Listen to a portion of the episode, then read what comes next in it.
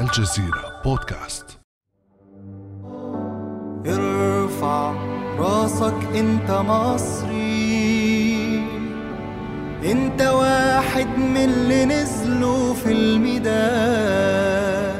ارفع راسك فوق انت ليبي حر وبثورتنا بطال من حقك تفخر. حمزة نمرة وأسماء سليم وغيرهم. فنانون انخرطوا في ثورات الربيع العربي ورددوا شعاراتها ألحانا وأنغاما أدخلت الفن إلى الساحة السياسية وتجاذباتها من باب الصراع بين الحرية والاستبداد من مصر إلى سوريا إلى تونس فاليمن فليبيا العراق لبنان الجزائر والسودان.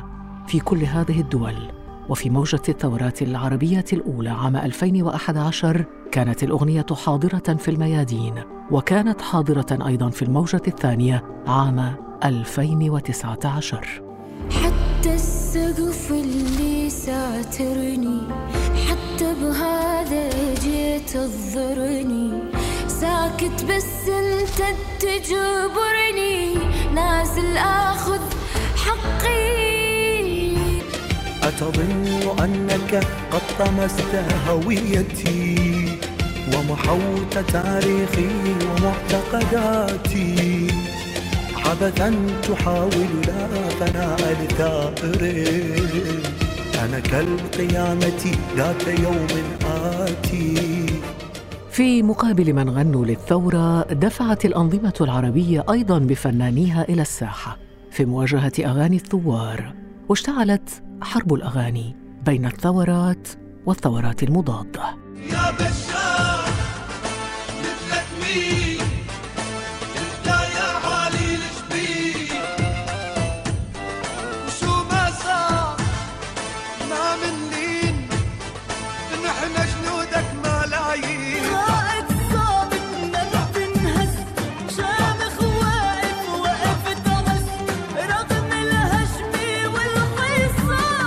فكيف أسهمت الأغنية العربية في مقارعة الاستبداد السياسي؟ وهل استطاعت الأنظمة إعادة الفن إلى بيت الطاعة؟ وكيف تحول الفن من أداة توحيد إلى معول تقسيم؟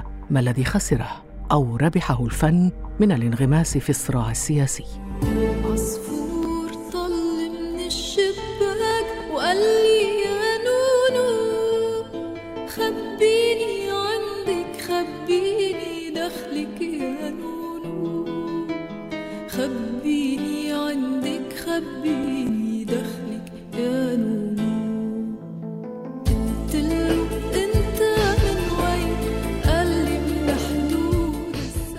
عصفور طل من الشباك ومعنى هذا العصفور العصفور الحر الملتزم المعانق لقيم الحرية والفن والجمال. معنا الفنانة الأيقونة الجميلة أميمة الخليل هذه مفاجأة للمستمعين. صباح الخير ست أميمة. يا صباح النور.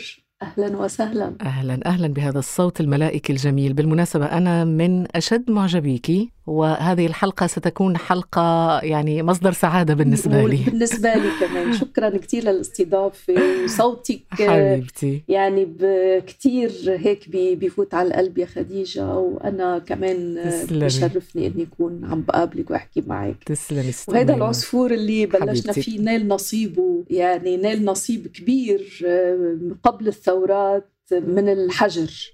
صحيح ولهذا نتحدث عن الحجر السياسي الذي تمارسه الأنظمة السياسية على الفن وعلى الأغنية العربية خصوصا الأغنية الملتزمة. وأنت ست أميمة يعني رائدة من رواد الأغنية الملتزمة. ولنبدأ بفكرة الغناء من أجل قضية. بأي شكل يمكن للأغنية أو للموسيقى أن تخدم القضايا العادلة وهموم الناس بشكل عام؟ الفن أنا برأيي هو دعوة للمتلقي لحتى ينوضع بقيمته الإنسانية العالية. ولحتى يشوف مشاكله لحتى تصير واضحة قدامه الصورة شو بده يعمل بحياته وين بده يواجه لحقوقه. الفن أنا بالنسبة لإلي يعني هو كان بينعمل خارج الحدث. اللي بيصير بوقت الثورة هو تعبير. ممكن يكون صادق جدا وبحسد كتير الشخص اللي بيقدر يعمل أغنية خلال الحدث. بدها صدق كتير بدها استيعاب. بالنسبة لإلي الأجمل بهتافات الثورة هي يعني اللحن الأجمل والكلمة الأجمل هي هتاف الناس. الشعب يريد إسقاط النظام. هذا بالنسبة لإلي أجمل موسيقى انعملت خلال الحدث. أما الفن بشكل عام هو بيخدم قضايا الإنسان قبل الحدث وخلال الحدث وبعد الحدث. يعني أنت ربما تحسديهم أو تغبطيهم ولكن أنت أيضا ميمة خليل لم تقصري وتجاوبت أيضا مع قيم الحرية والعدالة. أنا كنت موجودة طبعا كنت موجودة بال- بالثورات. طيب ما دام كنت موجودة في الميدان مع الثوار كيف شفتي أنت الأغاني الثورية في بدايات الربيع العربي وأيضا خلال وصول أيضا موجة الربيع العربي إلى لبنان السنة الماضية؟ يعني هو تعبير تعبير برجع بقول يعني ممكن يكون بمكان هيك لركوب الموجة. ما بحكم كتير على هذا الموضوع. يعني أنا بفهم إنه في ناس كتير حابة تعبر بطريقة أو بأخرى إنه هي فاضة بها وبدها تقول شيء بس فنيا يعني مش هو المكان اللي ممكن نحن نحكم أو نقدر أو نحطها بمكان ولكن نتجاوب. طبعا نتجاوب أكيد يعني شعار نتجاوب. لبنان كل يعني كل ألهم الكثيرين. بالضبط وكتير هتافات يعني أنا للوالي الأولى الحقيقة. بحس إنه يا الله إنه معقولي أنا معقولي عم بيقولوا. هيك؟ بس بعد شوي اطلع يمين شمال قدامي وراي لاقي الناس كلها عم تقول قول معهم. فهيدا شيء والفن شيء تاني. الفن هو يعني مثل ما قلت هو بينعمل بينعمل ليبقى وليبقى وليبقى نعم ولكن الهتاف يرقى ربما أيضا إلى مستوى الفن لأنه بصراحة في اجتهاد في اختيار الكلمات في هتافات جميلة هيك رنانة. في أغاني جميلة في أغاني جميلة الحقيقة. يعني أكيد ما بننسى هتافات وصوت ولحن القشوش. ويا عيني ويا روحي والسوري شايف حاله. لك أرحل لحالك بالذوق وأحسن ما نجيبك من فوق. وربس من الحاضر والسوق يا أمه وخاله. يعني شيء مؤثر جدا وقيمته عالية عالية عالية جدا بالنسبة لإلي. وما بننسى كتير أغنيات حلوة كانت بالمغرب كانت بمصر كانت بالعراق كانت بلبنان. بلبنان انعملت أغنية اسمها ثورة لبنان. وعاملها شخص اسمه روج وكلامها حلو.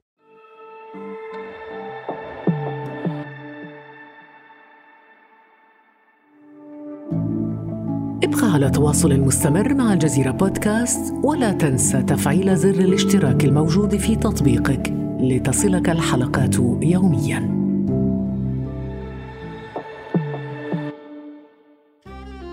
نعم ست أميمة تأثير هذه الأغاني الثورية هل يبقى لي يعني مدة زمنية طويلة لأجيال قادمة لأنه أنا أتذكر ست أميمة في يعني جيلي على الأقل لما كنا في الجامعات زمان أغاني مارسيل خليفة مناضلون بلا عنوان أحن مم. إلى خبز أمي وكل الأغاني الجميلة القديمة اللي ما زالت إلى اليوم وأنت ما شاء الله عليك يعني آه، أيضا لك نصيب كبير في هذه الأغاني. أنا عملت عمل كامل اسمه زمن.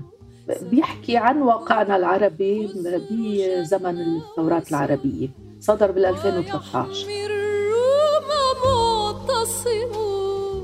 يا ريت لو تعطينا فكرة عنه. زمن آه، هو موقفي أنا. كفنانة بدي أقول شيء.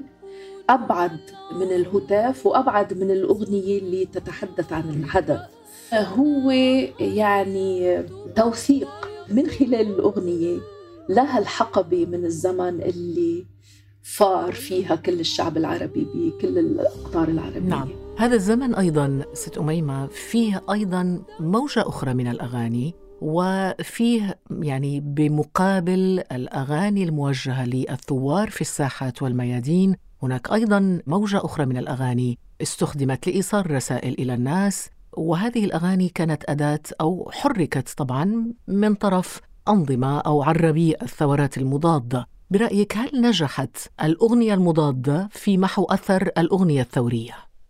أنا بالنسبة لإلي يعني هلا عم بضحك هو المضحك المبكي بالنسبة لإلي الشيء آه، فوق الاستيعاب إنه يكون في ثورات مضادة. يعني إنه يا عمي هالناس اللي ثارت يعني ثورتها شو كانت؟ لرحلات ترفيهية إلى القمر مثلا؟ يعني هودي الناس الثوار اللي نزلوا بالشوارع وهتفوا بدهم يحسنوا أحوالهم ويحسنوا معيشتهم ويحسنوا حياتهم كرمال الأولاد والأجيال الجاية. يعني شو عم بيطلبوا؟ عم بيطلبوا خبز عم بيطلبوا فرصة عمل عم بيطلبوا حياة كريمة عم بيطلبوا يعيشوا بالبديهيات اللي ممكن تكون عند الإنسان نعم. لحتى يكمل حرية عيش. عدالة اجتماعية محاربة بالضبط الفساد فما ما بستوعب ما بستوعب فوق استيعابي إنه يكون في أغاني مضادة أو ثورة مضادة أنا رح أأكد لك إنها موجودة من خلال هذا المقطع لعلي الحجار أغنية أنتو شعب وإحنا شعب. خلينا نستمع مع. بعض أميمة. إحنا شعب وإنتو شعب إحنا شعب وإنتو شعب. واللي هز القلب منا عمره ما هزلكوا قلب واللي هز القلب منا عمره ما هزلكوا قلب رغم إن الرب واحد لينا رب وليكوا رب رغم إن الرب واحد لينا رب وليكوا رب إحنا شعب وإنتو شعب. إحنا شعب وإنتو شعب. هذه الأغنية التي اشتهرت منذ الانقلاب على الرئيس المصري المنتخب محمد مرسي. في الواقع وضعت نموذجا لرسالة فنية جديدة تقسم الشعب إلى قسمين على أساس الانتماء السياسي والفكري وتحول للأسف رسالة الفن من قيمة جمالية جامعة إلى أداة للتقسيم لتقسيم الشعب الواحد. ولكن بعد هذه الأغنية جاء الرد بأغنية من مغني اسمه أبو عمار. قالوا إحنا شعب وانتو شعب كلنا شعب بس انتو ناس وإحنا ناس. إحنا خدنا العفة راية والشرف مبدأ وغاية. يا إلهي. يعني حتى الكلمات أميمة خليل يعني متضادة تماما. يعني الأول إحنا شعب وإنتو شعب والثاني إيه إحنا شعب وإنتو شعب. إحنا أخذنا العفة راية والشرف مبدأ وغاية وإنتو شعب من العراية. يعني في يعني مصطلحات ربما قد تكون قاسية شوية على الأذن ولكن هي رد على أغنية موجودة. أنت مؤسف، آه مؤسف. طبعا. ست أميمة أنت من الناحية الفنية المحضة. هل يمكن قبول مثل هذه الأغاني؟ الأغاني عفواً. لا أكيد لا. يعني أنا بستغرب إنه فنان مثل علي الحجار يكون آه، يعني عنده موقف مغاير لموقف الناس بال- بالساحات. الفكرة ما بعرفها للأغنية. ومش كافي إني آخذ فكرة شو قاصد منها هي للأغنية. يعني فكرة الأغنية واضحة يعني أنه تقسم الشعب إلى قسمين آه، خصوصا بعد ثورة 25 يناير. طبعا الشعب الأول معروف اللي هو شعب ثورة 25 يناير والشعب الثاني اللي هو شعب ما بعد الانقلاب خلينا نقول ميمة خليل. يعني هذه الموجة من الأغاني. كيف ينظر إليها الوسط الفني؟ لأنه هذا التراث سيبقى موجود في النهاية في الأرشيف وسيستمع إليه كتراث فني عربي يدعو إلى تقسيم الشعب الواحد.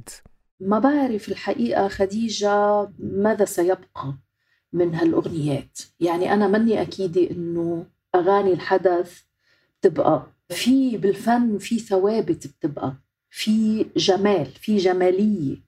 في إنسان داخل هذه الأغنية هو اللي بنشوفه نحن وبيستمر كأجيال. يعني لا بنشوفه لا بنحافظ على أغنية حدث. يعني أنا لما بدي أعمل أغنية ك- أنا كمغنية أنا باخد بعين الاعتبار كل الناس اللي بدها تسمع هذه الأغنية حتى الناس اللي هي ضد الثورات. لحتى تبقى أغنيتي ولحتى يكون صوتي جامع وهذا اللي بدي إياه. هذا الانتصار اللي ممكن إننا نعمله إن نجمع الناس على مضمون بهذا الفن. الكلام مهم طبعا كثير مهم كثير نعم. مهم وسبحان الله يعني لما نقارن بين كلمات هذه الأغاني التي تصاحب الثورات والثورات المضادة وبين أغاني الفن الأصيل حتى الوطنية اللي كانت موجودة زمان ويعني ونحن نتحدث أنا فتحت الآن على الهاتف على أغنية أنا الشعب لأم كلثوم الله يرحمها وكلماتها رائعة مم. جدا تقول أنا الشعب لا أعرف المستحيل ولا أرتضي بالخلود بديلا. بلادي مفتوحة كالسماء تضم الصديق وتمحو الدخيل. أنا الشعب شعب العلا والنضال أحب السلام أخوض القتال ومني الحقيقة مني الخيال وعندي الجمال وعندي آمال. يعني كلمات تختلف بالضبط. تماما يعني اختلاف السماء عن بالضبط. الأرض وأنا يا خديجة لما عملت آه، عمل زمن كان عندي أغنية بها العمل اسمها ظلالنا. ظلالنا بتقول سيأكل تمره الصنم ويشنق نفسه العلم. ستنكر خزرجا أوسا ويحمي الروم معتصم. سنصغر يا بني أمي ويرسم ظلنا القزم. خرائطنا تبدل كل يوم والحدود دم يعني هذه جامعة. كمان الكلام للشاعر السوري هاني نديم. واللحن للموسيقي السوري باسل رجوب. يعني هذه أغنية ثورة كمان فأنت عم عم تاخدي موقف مم. من من الثورة أنت عم تقولي أنا ثائرة بس أنا آه، يعني صوتي لإلكم صوتي منه لإلي صوتي لإلكم صوتي لأولادكم. صوتي لولدي صوتي للأجيال اللي آه، بيحق لها أنها تعيش بكرامة فأكيد ولكن حين ينقسم الناس ست أميمة على الفنان نفسه لأنه اليوم بصراحة منذ منذ بداية ثورات الربيع العربي في ناس عزفت أو يعني قاطعت لنقل فنانا لصالح فنان آخر الآن هذا الانقسام الذي يعيشه الناس في عالم الفن يحبون فنانا ويكرهون فنانا آخر على أساس أداؤه وموقفه السياسي من ثورة أو انتفاضة ما وليس بسبب أصالة أو تميز أداؤه الفني هل يمكن القول أنه الأغنية العربية اليوم ربحت أم خسرت؟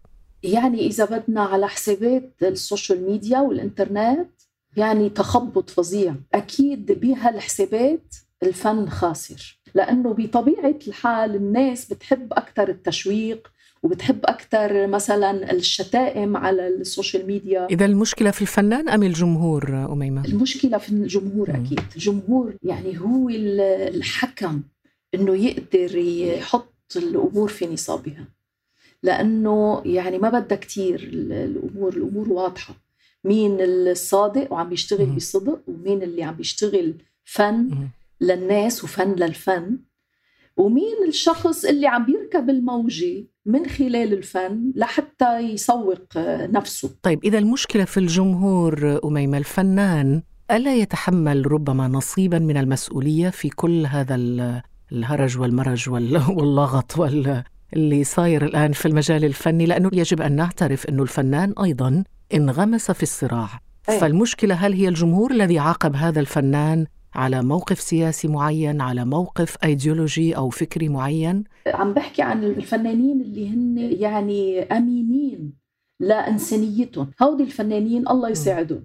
يعني خليهم بحالهم يقدروا ينتجوا يقدروا يعلوا صوتهم يقدروا من يعني نتاجهم الخاص وجهدهم الشخصي جدا جدا جدا إنهم يكونوا موجودين على الخريطة.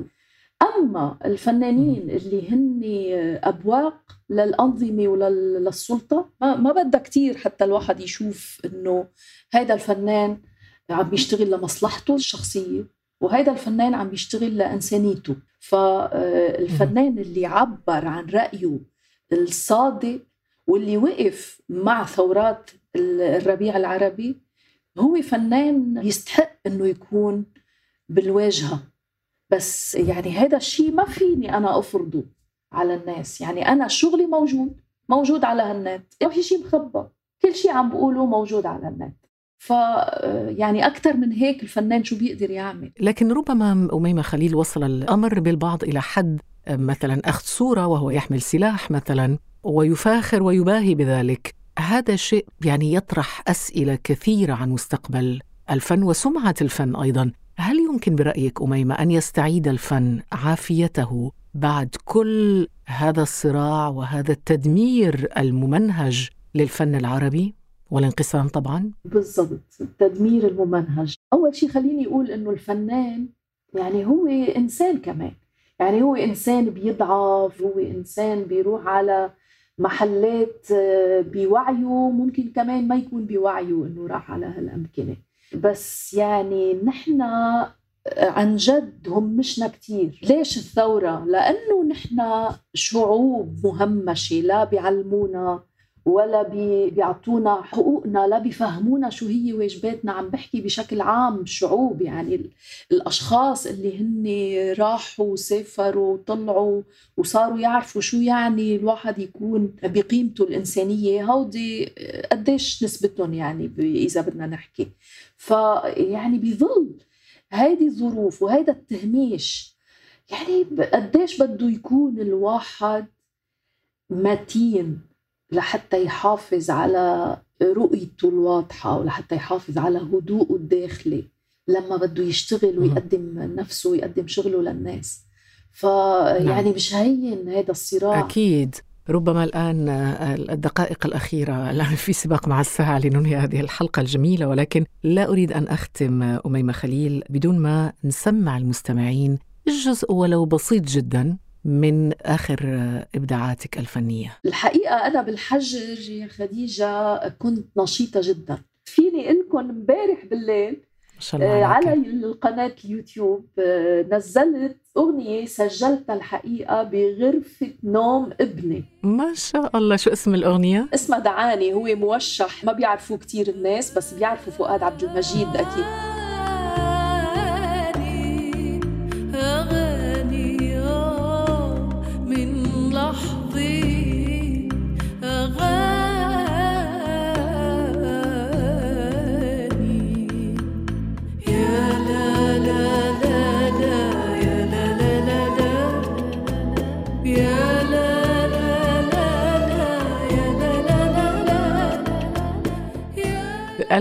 ألف ألف شكر الفنانة الجميلة أميمة الخليل على هذه الحلقة الجميلة عن فن الثورات. شكرا لك. أشكركم يا خديجة وإلى لقاءات أخرى. شكرا. إن شاء الله. كان هذا بعد أمس.